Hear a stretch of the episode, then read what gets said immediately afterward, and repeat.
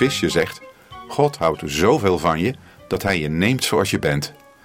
Als je in zoveel tekort schiet, zoals ik zelf, en God zo vaak teleurstelt, dan moet God toch wel heel veel van je houden om je te accepteren zoals je bent.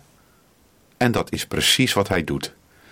Jezus zegt daarover in Johannes 15, vers 13: Er is geen grotere liefde dan je leven te geven voor je vrienden. Jezus heeft zijn leven gegeven op het kruis van Golgotha voor alle mensen en hij heeft ze genomen zoals ze zijn, onvolmaakt en gebroken. Ja, God houdt zoveel van je dat hij je neemt zoals je bent.